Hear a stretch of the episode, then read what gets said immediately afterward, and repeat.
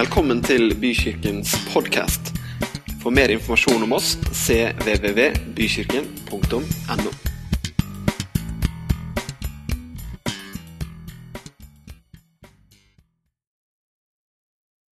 Ja, Gunnar har gratulert oss med dagen, og jeg må bare fortelle det, sånn at dere er litt informert. Jeg hadde gleden av å gratulere naboene våre over eh, bukta her på lørdag. Elihu-menigheten fyller 25 år i disse dager, og skolen der fyller 20 år.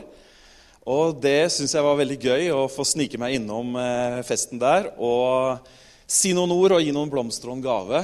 For eh, Menigheten har eksistert i 2000 år, men at det er noen som har løpt 25 år i nyere tid, det er det slett ikke alle menigheter som har gjort, faktisk. Så vi er glad for at de eksisterer, vi er glad for det de gjør, og vi er glad for hva som skjer over hele kloden i Guds menighet. Er vi ikke det?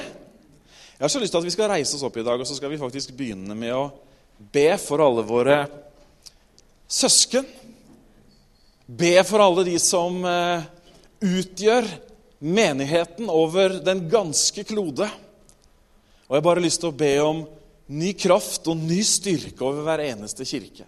Over hver eneste arbeider i Guds rike. Over hver eneste barnearbeider og musiker og pastor og prest osv. Jeg har lyst til å be for dem nå. Skal vi gjøre det sammen? Er du med på det?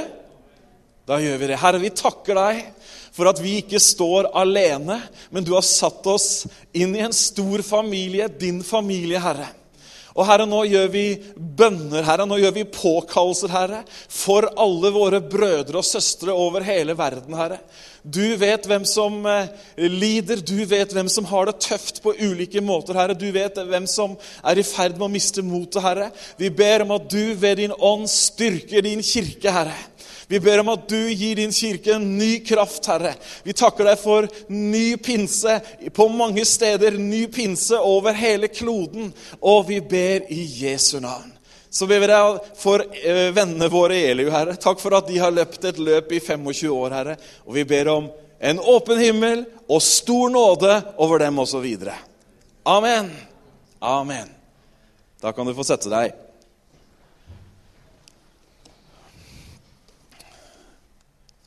Det er pinse, og jeg skal selvfølgelig preke om pinse. Gunnar har allerede avslørt det, men det var kanskje ikke noe overraskelse. Men ikke så mye pinse som jeg faktisk skal snakke om Den hellige ånd. Dette er jo høytiden som pinsebevegelsen har monopol på. Det er jo ordninger som copyright og opphavsrett og patent som vi selvfølgelig har sørget for at våre advokater har gjort en god jobb på. Dette er vår høytid, dere. Ja, det var noen som sa i media. Dette er vår høytid, dere. Nei, det er faktisk ikke sånn. Heldigvis så er det faktisk ikke sånn. Da hadde det vært ganske stakkarslig og smått og ynkelig. Men det er faktisk sånn at i alle trossamfunn over hele kloden så finnes det mennesker som vender seg mot Gud, og som tar imot den gaven som han ga da han sendte Den hellige ånd. Hm. I Jerusalem så var det pinse når pinse skjedde. I Jerusalem så står det at de var samla på pinsefestens dag. Pinse var en av de tre store høytidene i Israel. Og de var sammen for å feire, men ikke den pinsen som vi kjenner. Pinsen var en takkefest. Det var kornhøstens høytid. Det var førstegrødens dag. Gud skulle takkes for at han sørga for sitt folk. Seinere, når Israel mista sitt land, så ble det også en takkefest til minne om da jødene fikk loven. Loven som ble gitt på Sinai-fjellet, Moses som fikk disse påbudene fra Herren. Var, pinse var også til minne om det. Det som er litt interessant, er at når de fikk loven, så var det akkurat samme vær som når de fikk ånden. Det var torden, det var lyn, det var et mektig vær. Det var tydelig at hele himmelen sanksjonerte det som faktisk skjedde. når de fikk steintavlene. Men det var også det som skjedde når Den hellige ånd ble gitt til menneskeheten. For hva står det om de 120 som var samla på øvre sal? Jo, det sto, det sto at de var samlet, de var i bønn osv. Og, så og så kom lyden av et mektig vær som fylte stedet der hvor de var samlet. Og så kom Den hellige ånd, og så satte det seg synlige tunger av ild på hodene deres. Og så begynte noe som er større enn det kanskje de fleste av oss har reflektert over de siste uka. Gunnar var med på det. Dette er det som skjedde, var en milepæl ikke bare i verdenshistorien, for også i verdenshistorien, den nedtegnede, så kan vi finne nedtegnelser om det som skjedde, og ikke minst følgende etterpå. Hvorfor? Jo, fordi at den kristne troen gikk fram i en sånn vanvittig rekordfart etter denne dagen at det har ikke vært noen annen trosretning, noen religion, noen filosofi, noen ideologi. Ingenting har makta å spre seg med samme hastighet som den første menighet spredde seg. Og det i en tid hvor ikke de hadde ulike medier til å forsterke budskapet og til å nå veldig langt, men hvor alt var veldig manuelt, så spredde det seg så til de grader og det merkunderlige når det spredde seg, er at det møtte en sånn vanvittig motstand etter noen tiår at man skulle tro at de pakka sakene og slutta når keiserne ga skylden til de kristne for det ene og det andre. Keiser Nero, eksempel, som beskyldte de kristne for å ha starta brannen i Roma. Men ryktene og de utro tjenerne hans ble veldig tydelige, så alle visste til slutt at han hadde satt den brannen i gang sjøl for å ha noen å skylde på. Og de ble forfulgt på de mest grusomme måter. Halshogging. De fikk dyreskinn rundt seg og ble sendt inn på arenaer med andre villdyr som angrep dem. De ble slept, eller altså de ble dratt fra hverandre, så, så, kroppsdeler ikke lenger hang sammen. Og Det var ikke nok med at de, det var ikke bare at de nøyde seg med å ta livet av dem, men de dro de også fram til spott og spe og plaga dem til det siste før de tok livet av dem. Men likevel så var det noe som gjorde at de fortsatte. Gode Gud! Er, vet, du stort, vet du hva som var en stor utfordring i den tidlige menighet? Hva gjør vi med de som når de ble forfulgt, frasa seg alt, men som etterpå gikk tilbake til menigheten og ville bli med når de hadde spart livet sitt? Det var liksom sånn der Everyday Life in Church Challenge. Hva skal vi gjøre med denne horden her? Presset ble så stort at de kasta en håndkle, men nå har de kommet tilbake, for de vil jo følge Jesus litt annen type frafall enn det vi har i dag. Og Noen av disse tidlige kirkefedrene de var veldig uenige. Noen var nådefulle, andre var ikke nådefulle i det hele tatt. Men hva var det som gjorde det? At de til tross for disse utfordringene gikk på, tok en runde til, dro til neste by, åpna hjemmet sitt, møttes i hjemmet sammen, møttes i andre sine hjem, møttes i tempelet, holdt fast ved apostlenes lære, ba for syke, døde reiste seg, Nådegaver i funksjon, profetisk tale, tungetale, tydning, gave til å skjelne mellom ånder. Dette leser vi om i Det nye testamentet, men vi leser også om det i historiebøkene om den første menighet. Du som trodde at ja, det var jo bare et fenomen der og da. Nei, det fortsatte i mange, mange, mange år, og det har fortsatt inntil i dag. I ulik, i ulik grad og i ulik intensitet. Men Guds ånd er utøst. Jeg prøver å tegne et bilde at vi skal kanskje fatte storheten i det som skjedde når Gud sendte Den hellige ånd. For hva var det Gud hadde gjort? Han hadde sendt Jesus. Hva var det Jesus gjorde?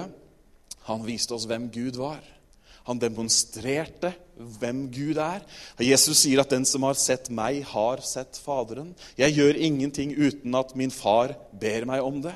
Vi hadde sett et bilde av hvem Gud var. Og Det står at Jesus gikk rundt og gjorde godt mot alle. Derfor så har vi Godhet 2015, for vi ønsker å vise at vi gjør godt fortsatt i dag. Men ikke bare det eksempelet, selv om det er kraftig nok i seg sjøl. Jesus kom og tok hånd om synden, skylden, skammen. Han tok bort det som hadde skilt menneskeheten fra Gud. Bibelen sier at han åpnet en ny og en levende vei. Når Jesus sa det var fullbrakt på korset, når han sto opp igjen fra de døde, da var synden borte. Da kunne Gud ha samfunn med menneskene på den måten han kan, ved å gi sin egen ånd inni oss. For det er det Den hellige ånd gjør. Den hellige ånd er ikke bare en følelse vi får på en religiøs ansamling av mennesker, men det er en person, og det er en kraft som bor på innsiden av oss. Hmm. Frelsesverket, som vi etterfølgere av Jesus pleier å kalle det. Eller redningsaksjonen, som Jesus kom for å fullføre. Den var fullført. Hm. Nå gikk det an for menneskene å ha den direkte kontakten med Gud. Det er virkelig noe å feire. Det er virkelig noe å tenke på. Dette hadde Gud planlagt fra tidenes morgen. Og egentlig så trengte de kanskje ikke å bli så veldig overraska, disse her som satt på salen i Jerusalem. Tenk deg litt den derre sinnstilstanden de var i. Her var de tolv. Første sak på agendaen var 'Hvem erstatter Judas?' Foreslo et par karer. Loddet falt på Mattias. Og så ble, det, ble han regna blant de tolv. Men de var 120 stykker der på øvre salen. For de hadde nemlig fått så uttrykkelig beskjed av Jesus om å være der, om å vente, fordi noe skulle skje. Man skulle tro at de var fullt skolert etter tre år med praksisbibelskole. Hallo? De fikk sitert profetene sikkert daglig. De så Guds sønn i aksjon når han møtte mennesker osv. osv. Men likevel så får de beskjed om å vente. Liksom sånn karantene. Nei, det er ikke karantene, for karantene får du i hvert fall i yrkeslivet når det er noe du kan så godt at jeg er redd for at du skal gjøre det etter at du har slutta hos noen, og så må du liksom roe ned tempoet litt før du går videre til neste, neste firma. Men de fikk uttrykkelig beskjed. Jesus sa, 'Bli i byen. Vent i byen til dere blir ikledd kraft fra det høye.' Lurer på hvordan de hadde det. Hm. Jesus hadde sagt det dem litt tidligere. I Johannes evangelium kapittel 14 så står det noe som Jesus sa til sine disipler rett før han dro. Vil du høre det?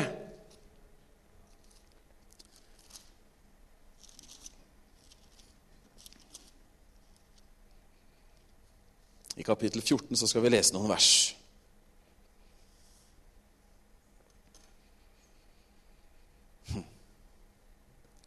Jesus hadde dratt. Showet var over. Action var liksom finito. Nå er, det, nå er det slutt, folkens. Vi har hatt tre gode år, da.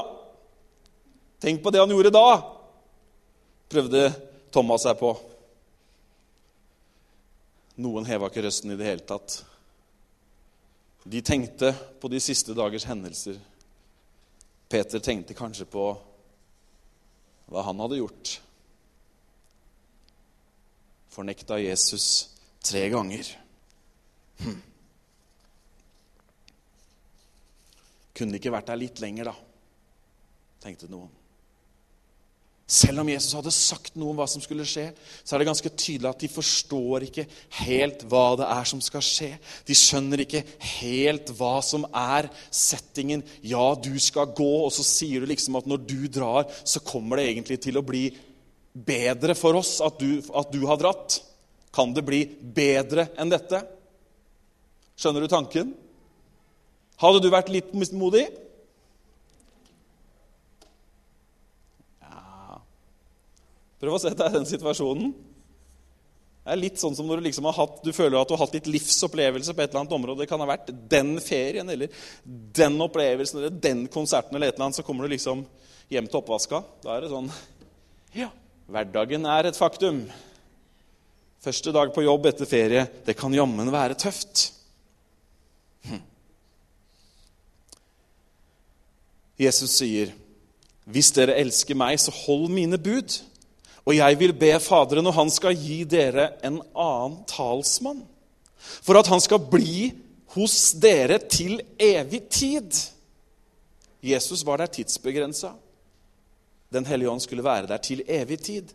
Sannhetens ånd, som verden ikke kan få, siden den verken ser ham eller kjenner ham. Men dere kjenner ham, for han blir hos dere og skal være i dere. Jeg skal ikke la dere bli igjen som foreldreløse. Jeg skal komme til dere. Hm. I eh, Johannes 16 så står det i vers 7 Likevel sier jeg dere Eller først i vers 6. De var litt lei seg, skjønner vi. Men fordi jeg har sagt dere alt dette, har sorg fylt hjertene deres, sier Jesus. Men fordi jeg har sagt, eh, likevel sier jeg dere sannheten. Det er til det beste for dere at jeg går bort. For hvis jeg ikke går bort, kommer ikke talsmannen til dere. Men hvis jeg går bort, skal jeg sende han til dere. Når han kommer, skal han overbevise verden om synd, om rettferdighet og om dom.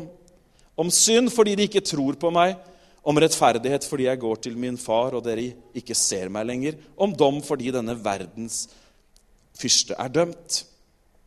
Jeg har ennå mye å si dere, men dere kan ikke bære det nå. Men når Han, sannhetens ånd, kommer, skal Han veilede dere til hele sannheten. For han skal ikke tale ut fra seg selv, men det han hører, skal han tale. Og han skal forkynne dere de ting som skal komme. Han skal herliggjøre meg. For han skal ta av det som er mitt, og forkynne det for dere. Alt det som Faderen har, er mitt. Derfor sa jeg at han skal ta av det som er mitt, og forkynne det for dere. Hm. Det er til det beste for dere, sier Jesus. Det er til det beste for oss i dag. For du og jeg, vi sitter her som et direkte resultat av pinsefestens dag i Jerusalem. Har du tenkt på det? Det er, og det som skjedde den gangen, det er årsaken til at du sitter her og tror på Jesus i dag. Det er årsaken til at Bykirken og mange andre kirker i det hele tatt eksisterer. Vi er i direkte kontakt med det som skjedde. For vi hadde ikke vært til hvis ikke pinsefestens dag faktisk hadde skjedd. Så kan ulike kirkesamfunn og ulike troshistorier vektlegge Den hellige ånd på ulikt vis. Man har likevel et stort forklaringsproblem hvis man bortforklarer Den hellige ånd og alt hva Den hellige ånd har gjort i Guds rike. Det går faktisk ikke an. Og du og jeg, vi er faktisk da et resultat av det. Fortsettelsen av historien er vi. Vi er ikke avslutningen, og det er ikke over. Siste kapittel er ikke skrevet. Men du og jeg, vi er i apostlenes gjerninger kapittel et eller annet. Rett og slett. Fordi Gud sendte sin Hellige Ånd. Hm. Kraft til å være mine vitner, sier Jesus. Det skal komme noe over dere som er annerledes enn den erfaringen dere har som etterfølger av meg fram til nå. Jesus sier dette på ulike måter. Han sier bl.a. i Johannes 7 så sier han, 'Den som tørster, den som er tørst, den kan komme til meg og drikke.' Og så skal det livet som jeg gir, bli en kilde som veller fram. Det var altså noe helt nytt som skulle skje. Disiplene hadde hørt Jesus undervise om Ånden. Han hadde sågar åndet på dem for at de skulle få Den hellige ånd. Men de hadde ennå ikke opplevd å bli fylt av Den hellige ånd. Det finnes en fylde, folkens. Det finnes noe som kommer utenfra, som kan fylle opp vårt indre. Ja, når vi har tatt imot Jesus som frelser og herre i livet vårt, så har han flytta på innsiden. Men så finnes det en fylde av Guds kraft som gjør deg og meg utrustet og i stand til å gjøre det som Gud vil at vi skal gjøre. Vær med meg litt tilbake. Kornhøstens høytid. Førstegrødefesten. Hva var det som skjedde umiddelbart etter at Den hellige ånd ble utøst over de 120? En voldsom innhøstning. Den dagen var det 3000 sjeler som ble lagt til menigheten.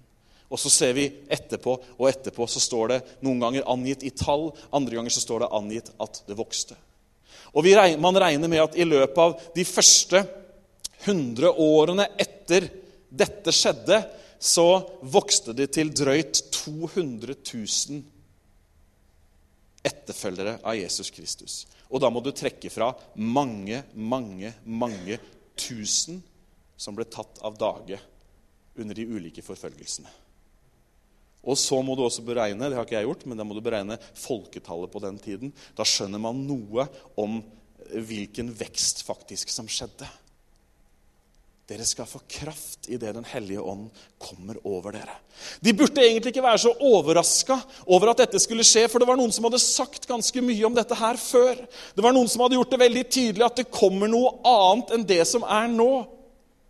Profetene hadde sagt noe. I Jesaja kapittel 36 så står det Nei, Jesaja. Jeg mente jo Esekiel. Vi kan ta Jeremia først, da, så har vi liksom vært innom tre-fire stykker. Skal jeg nevne en til? Obadia. Der fikk du den. Han er lenge siden du har lest. Mange er det som har lest Obadia etter nyttår? Nei, ingen. Der kan du se. Ja, du har det, ja! Der var det igjen. Og det er helt sant òg, Jan? Ja, veldig bra. Du kunne lett hatt en spansken, for du kunne sagt at det handler om det, og ingen hadde vært på nett. I eh, Esekiel 36 så står det i vers 26 Jeg skal gi dere et nytt hjerte og, og gi dere en ny ånd i deres indre. Jeg skal ta ut stenhjertet av deres kjød og gi dere et hjerte av kjød.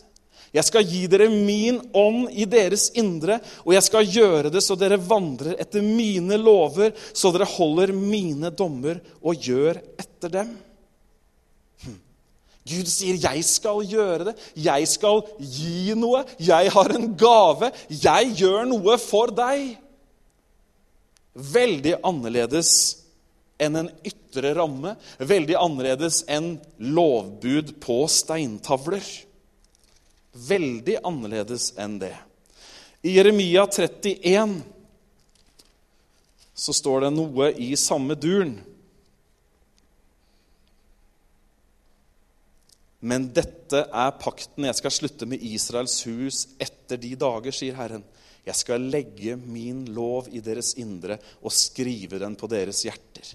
Jeg skal være deres Gud, og de skal være mitt folk. Da skal de ikke lenger lære hverandre, hver mann sin neste og hver mann sin bror, og si 'Kjenn Herren'. For de skal alle kjenne meg, fra den minste til den største, sier Herren. For jeg skal tilgi, det, jeg skal tilgi deres misgjerning, og deres synd skal jeg ikke minnes mer. Når skjedde det? Jo, når Jesus døde på korset. Da ble du tilgitt. Da ble du renset. Da ble alt nytt. Da ble det mulig for Gud å gi sin ånd inni deg. Husker dere Noas ark? Nå skal vi ta litt søndagsskolerepetisjon. Husker dere Noas ark, hva han gjorde etter ganske mange dager i arken? Så tok han noe og sendte det ut. Husker dere det? Først så tok han en ravn. Den dugde ikke, så han, eh, den ravnen den står at den bare fløy fram og tilbake helt til, helt til vannet sank. Vannet er jo et bilde på, på Vannet kom jo for å ta bort synden, ikke sant? Og så sendte han ut en due. Dere har skjønt at jeg har et teologisk grunnlag for å ha duer i garasjen. Noah han var en god duemann, vet du, så vi følger eksemplene fra søndagsskolen. Men han sendte ut en due først én gang. så kom han tilbake. Det var ikke noe sted hvor duen kunne lande. Dua er et bilde på Den hellige ånd. I Det gamle testamentet så hadde ikke frelsesverket blitt fullført. Gud kunne ikke bare sende sin hellige ånd, hellige ånd, på mennesker som levde i synd, og som ikke levde som de skulle framfor Gud. Derfor så var Gamletestamentet så er det stort sett prester og profeter og konger som blir på spesiell måte av Herrens tjener salvet med Guds ånd, men ikke den generelle. Det hadde ikke vært noen av oss, kanskje noen av oss som er profeter. jeg vet ikke om det er noen, Men ellers hadde, vært, ellers hadde vi stilt dårlig alle sammen hvis vi hadde vært i Det gamle testamentet. Men så kommer dua tilbake, og så sender han dua ut en gang til. Gang nummer to etter syv dager. Hva skjer da? Dua kommer tilbake med et friskt olivenblad. Dua kommer, ånden kommer med tegn. Noe har skjedd. Noe nytt spirer fram. Dommen er over. Nå er ikke alt helt ekte av vann lenger. Ånden blir aktiv. Det begynner å skje ting. Det kan du overføre til tiden rundt Jesu fødsel. Etter å ha sett Den hellige ånd lite virksom på mange måter gjennom mange mange år, så ser vi at alt som har med Jesu fødsel å gjøre, så blir Den hellige ånd veldig aktiv. Johannes blir født. Maria blir overskygget av Den hellige ånd, og barnet blir unnfanget ved Den hellige ånd. Og Man ser at det våkner noe til live, og så ser vi at Jesus kommer, og Noah sender ut dua en gang til. Og da står det at den kom ikke lenger tilbake. Gud har sendt ut Den hellige ånd over alle mennesker, over alt kjød.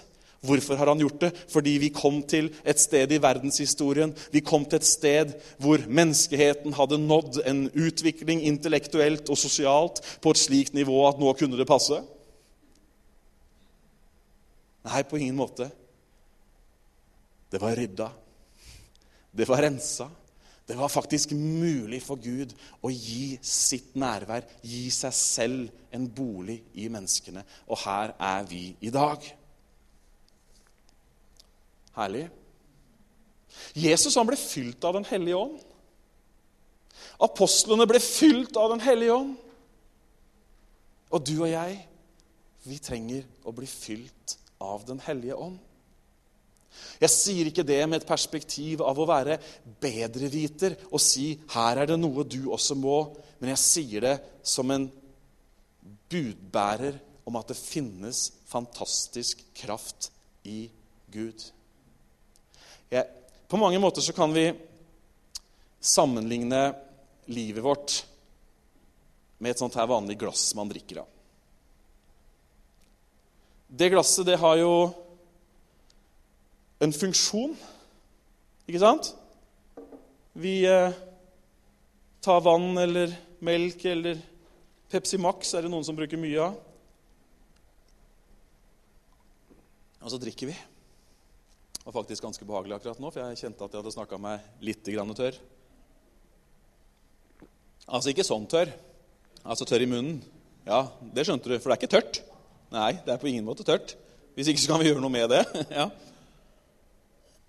Men på mange måter så er livet vårt et sånt glass.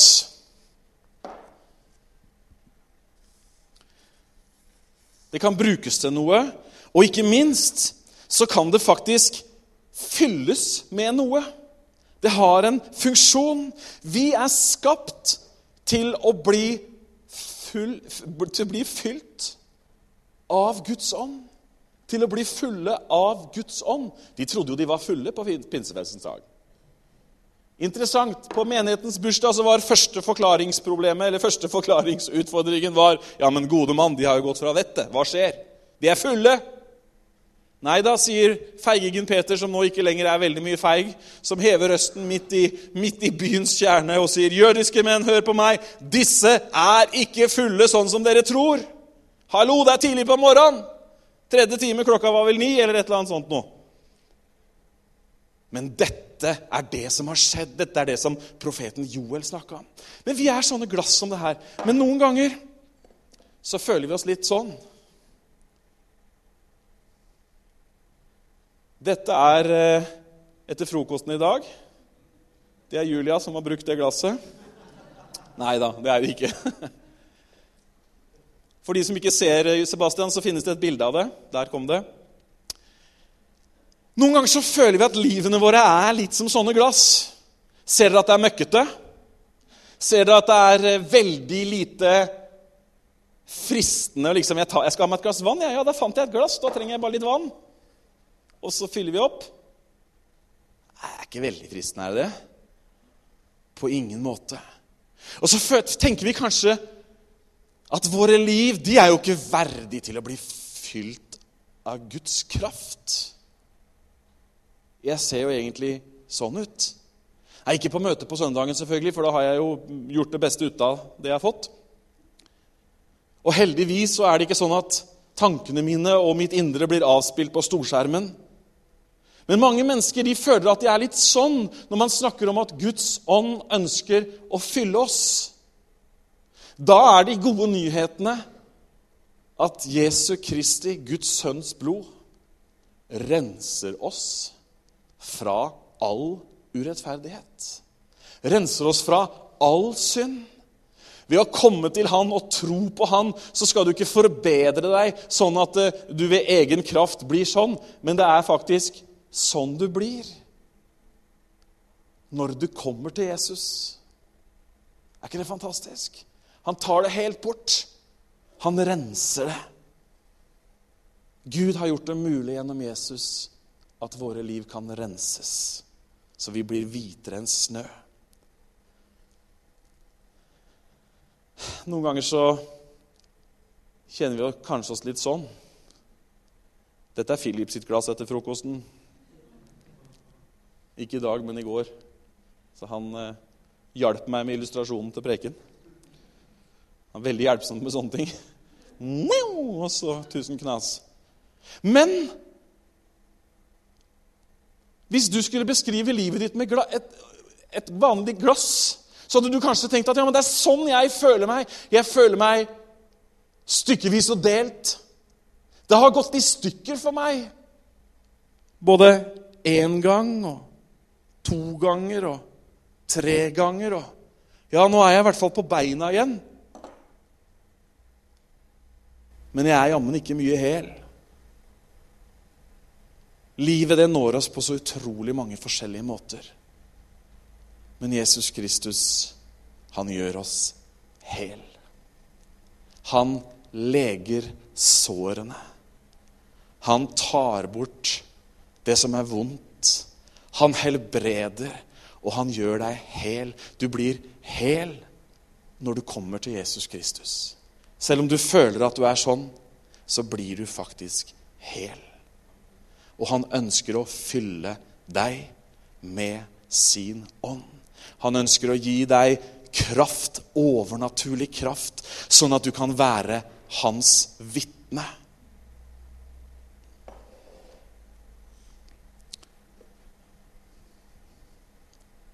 Noen ganger så er det sånn en kristen ser ut.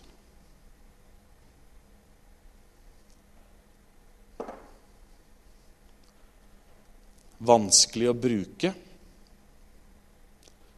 Det er kjempevanskelig å drikke av det glasset her. Ser du det? Det er ganske vanskelig å fylle det òg. Du får liksom Ja, jeg fikk en dråpe, men på magen og ikke på meg. Det gikk inn i munnen. Man har jo liksom hørt om Den hellige ånd, da. Det er noen dråper på utsida her. Ser du det? Det er kanskje så mange at man til og med kan si at jeg har vært i berøring med det. Og Hadde du spurt meg ti år før, så kunne jeg vist deg dråpen fra 1972.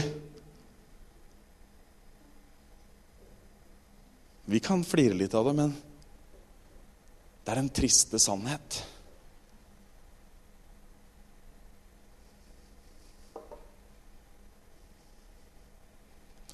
Når det Gud ønsker, er at vi skal være vendt. Vendt mot Han. Sånn at Han kan fylle på. Ikke halvfullt. Noen sier at du avslører din personlighetstype om du kaller det glasset halvfullt eller halvtomt. Uvesentlig. Gud ønsker å fylle det. Han ønsker å fylle deg med sin kraft. Ikke bare sånn at du kan være litt våt på innsiden, men han ønsker å fylle deg sånn at det faktisk er nok. Sånn at det faktisk renner over. Sånn at det faktisk kan nå noen andre. Tror du det? De gikk umiddelbart ut og delte hvem Jesus Kristus var, hva han kan gjøre. Og så stoppa det litt. Og så går det noen kapitler videre, og så blir de fylt igjen.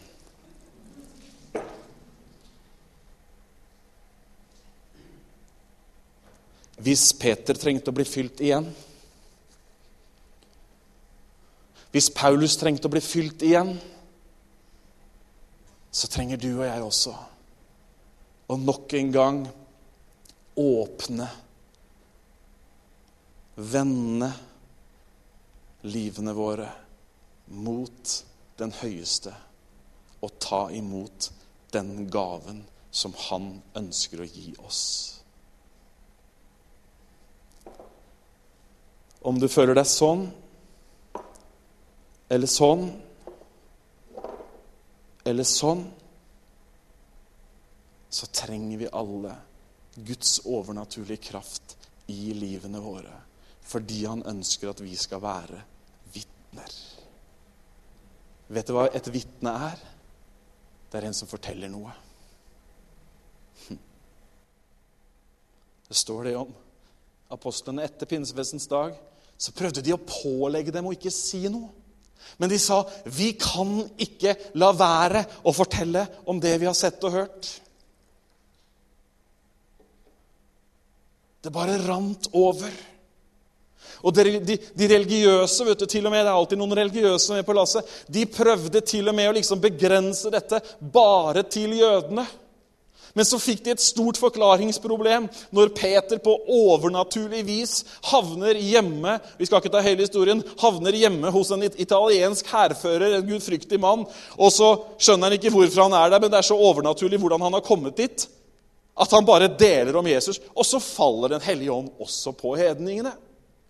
Peter blir kalt inn på teppet når han kommer hjem til hjemmemenigheten sin og spør hva er det du driver med. Ja, du skjønner at Det er ikke så vanskelig å forklare hva jeg driver med, for jeg kan ikke gjøre noe annet. Guds ånd falt bare på dem. Hm. Vet ikke hvilken kategori de var, jeg. Disse italienerne, soldatene til okkupasjonsmakten og hans tjenere, de var neppe perfekte norske pinsevenner.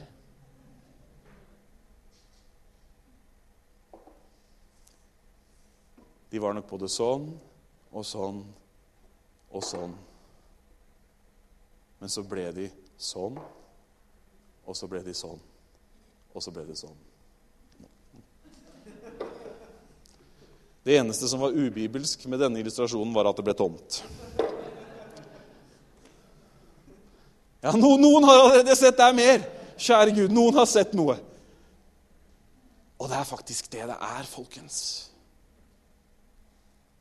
Uten Den hellige ånds kraft. Og Det er fristende å dra en eller annen vanvittig eh, bibelutleggelse og bibeltime om Den hellige ånd, om at han er en person, om at han er Gud, og at han kaller sannhetens ånd og Guds ånd og Jesu ånd og alle de tingene. Og alt det kan du faktisk sette deg ned og lese i Bibelen sjæl. Det står veldig tydelig.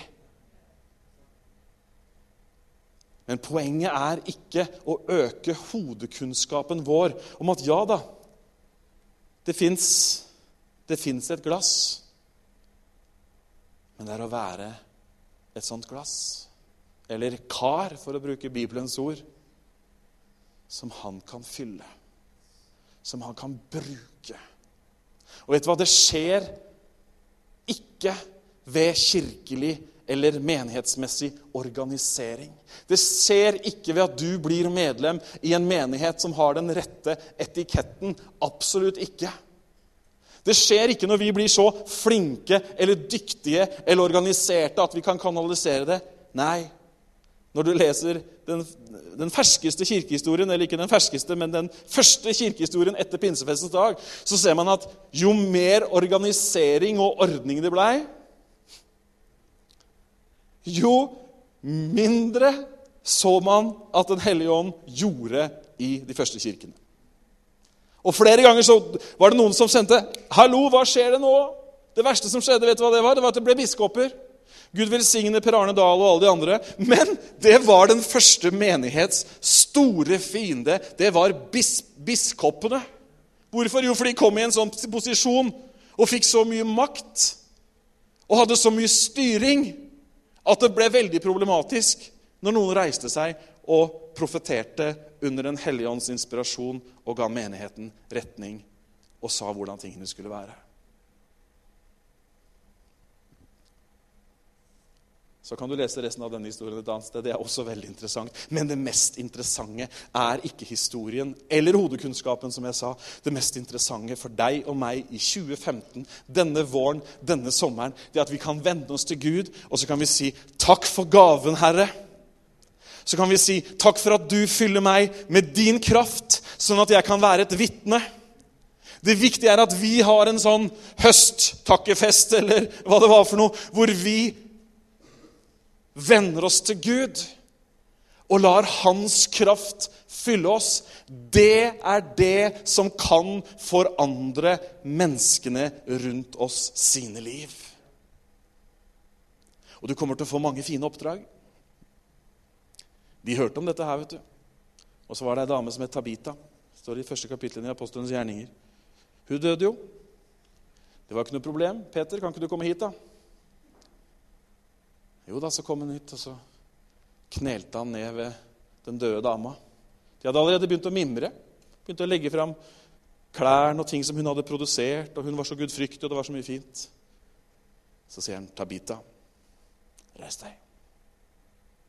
Det er ikke bare i Bibelens apostlenes gjerninger at det finnes historier om døde som vekkes opp. Mange historier i den første menighetstid også.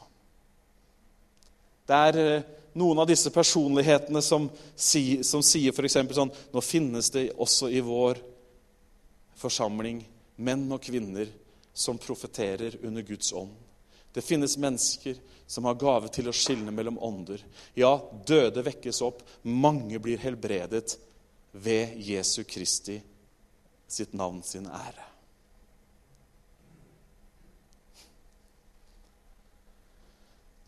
Vi trenger eller jeg må snakke for meg sjøl, i hvert fall. Men hvis vi skal være så ærlige at vi ser på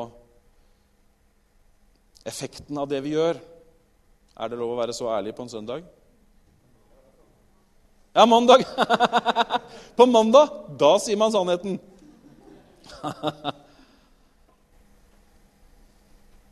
Men vi trenger å venne oss til Gud og la Han fylle oss med sin ånd.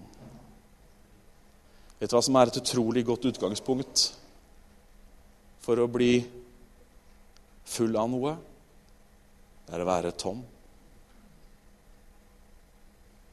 Jesus sa i bergprekenen salig er de som er fattige i ånden. For en merkelig ting å si.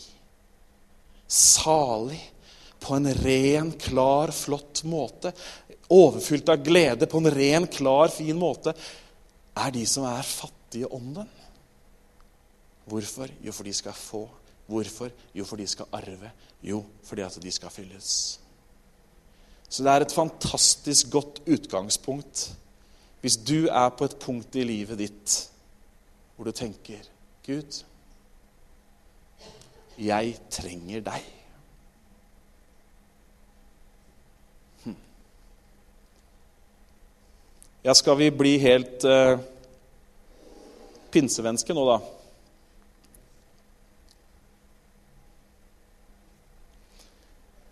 I Norge så var det en mann som het Hans Nilsen Hauge. Har dere hørt om han? Alle har hørt om han. Han opplevde på et jorde rett over fjorden her, faktisk nesten helt rett øst over fjorden her, på Tune i Østfold, så var han ute og pløyde på jordet sitt. Hadde vendt seg mot Gud, og han gikk der og sang en sang som var sånn Jesus, din søte forening og smake. Og så skjer det som skjer når man venner seg til Gud og ber om at han skal fylle en. Så blir han fylt med Guds ånd på en så kraftig måte at han blir en samfunnsreformator i Norge. Det står i historien om han at han var, eh, han var faktisk helt ute av seg i flere dager. For Guds ånd fylte han på en så mektig måte. Og så vet vi det at han skrev mange titalls bøker. Vi vet at han starta mange, eh, mange bedrifter. Vi vet at han starta menigheter osv. osv. Og han var så effektiv og hadde så mye kraft at han til og med jobba mens han gikk. Han strikka mens han gikk for å ikke være uproduktiv. Hva var det som skjedde med Paulus da? Det motsatte av en Jesus-etterfølger blir slått i bakken. En hvilken som helst disippel, Ananias, kommer og sier, 'Paulus, Herren har befalt meg at jeg skal legge hendene på deg, så du får syn igjen, og så du blir fylt med Den hellige ånd.' Og så ser vi at den motoren som hadde vært sterk i negativ retning, blir veldig sterk i positiv retning. Og så han en, ble han en som har utrettet enormt for Guds rike. Det er den samme ånd som du og jeg kan få ta imot. Jeg vet at mange har tatt den imot før. Mange har opplevelser. Mange har gode historier å fortelle. Og misforstå meg rett, jeg har ikke noe mot de gode historiene fra gamle dager, men jeg har veldig imot når de historiene blir eldre og eldre for hver gang jeg hører de. Og de ikke fylles opp med nye historier. Gaven er gitt. Ånden har kommet. Men det er opp til oss om vi vil ta den posisjonen vi er i, og gjøre den til en annerledes posisjon. Vi kan ta imot vi kan ta imot. Stian og gjengen.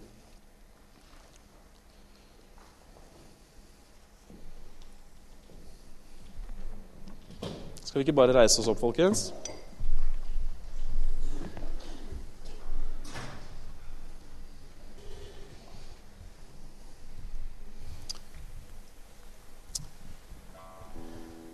Vi skal uh, slutte nå i løpet av fem minutters tid ca. Men jeg har lyst til at vi skal bruke litt tid på å be for hverandre. Be for og med hverandre. Det finnes mange historier om hvordan folk har blitt fylt med Guds ånd. Mange omstendigheter det har skjedd under, og eh, osv. Men eh, det er helt klart ut fra Bibelen at det veldig ofte skjedde når de troende la hendene på dem som et kontaktpunkt og ba for dem. Vi skal synge nå, og hvis du har lyst til å bli bedt for i dag, så kan du være så frimodig at du kommer fram, og så skal vi be for hverandre. Kanskje du aldri har opplevd en fylde av Den hellige ånd, eller du har opplevd det for lenge siden. Men du kan få lov til å oppleve det nå. Kjenne at det kommer en kraft på innsiden. En hjelper en som uh, taler vår sak. En som gjør Gud stor for oss, og som minner oss på hva Jesus har gjort, og som gjør oss til vitner der hvor vi er. Vi synger litt nå, så kan du komme, og så ber vi for hverandre. Og så